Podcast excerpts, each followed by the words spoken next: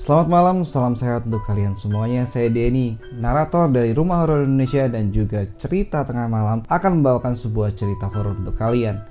Dan cerita untuk malam ini berjudul Hantu di Pabrik Mebel. Kejadian ini adalah pengalaman saya sendiri yang terjadi di tahun 2004. Waktu itu saya bekerja di sebuah perusahaan asing yang bergerak di bidang ekspor furniture dan berkantor di daerah Semarang. Pekerjaan saya sebagai Furniture Quality Control atau tukang ngecek kualitas mebel. Waktu itu saya mendapat tugas mengecek sampel produk garden furniture Jati. Pabrik mebel ini dulunya rame order, namun dengar-dengar sekarang sudah tutup. Suatu ketika saya datang ke pabrik tersebut sekitar jam 4 sore. Karena sebagian besar karyawan sudah pada pulang, maka ketika saya masuk ke dalam lokasi pabrik hanya ditemani oleh seorang karyawan. Kebetulan sampel yang akan saya cek itu terletak di sebuah gudang khusus. Begitu masuk ke gudang tersebut, saya mencium bau anyir seperti bau darah.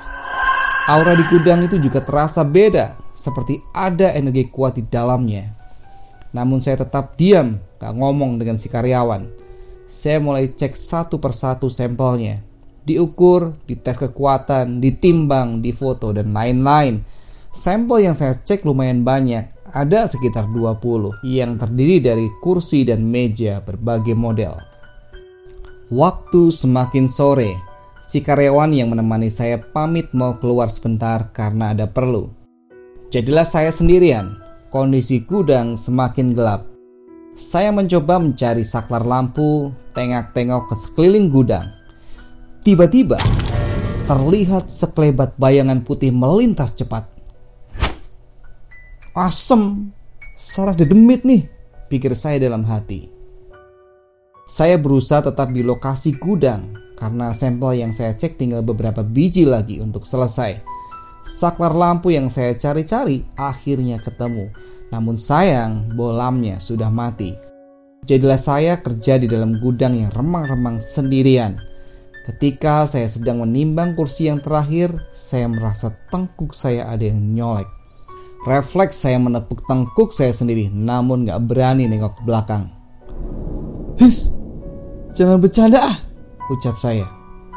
Walau tengkuk dan leher bagian belakang terasa merinding, namun saya paksakan untuk tetap melanjutkan pekerjaan karena sudah hampir selesai. Saat saya lagi jongkok mengukur lebar kursi, kembali ada yang aneh. Kali ini gak nyolek, tapi nepuk saya masih belum berani nengok belakang. Suasana semakin gelap seperti sudah masuk waktu sholat maghrib. Keringat dingin mulai mengucur. Saya baca-baca doa semampunya dalam hati. Kalau saya nggak nengok belakang, saya merasa ada sesuatu yang berdiri di belakang saya. Penasaran, saya ngintip lewat bawah di antara dua kaki saya dengan posisi nunggu. Buset! terlihat seperti kaki burung Garuda.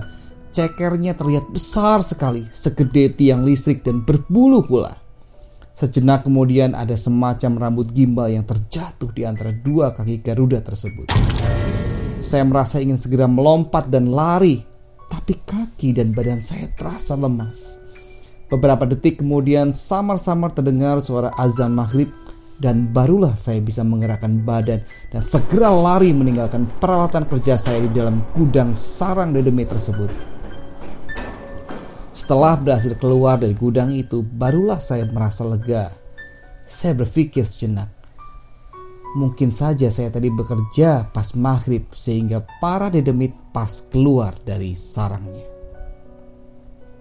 Oke teman-teman itu cerita misteri untuk malam hari ini. Semoga itu bisa menghibur kalian. Sampai ketemu di cerita berikutnya. Selamat malam.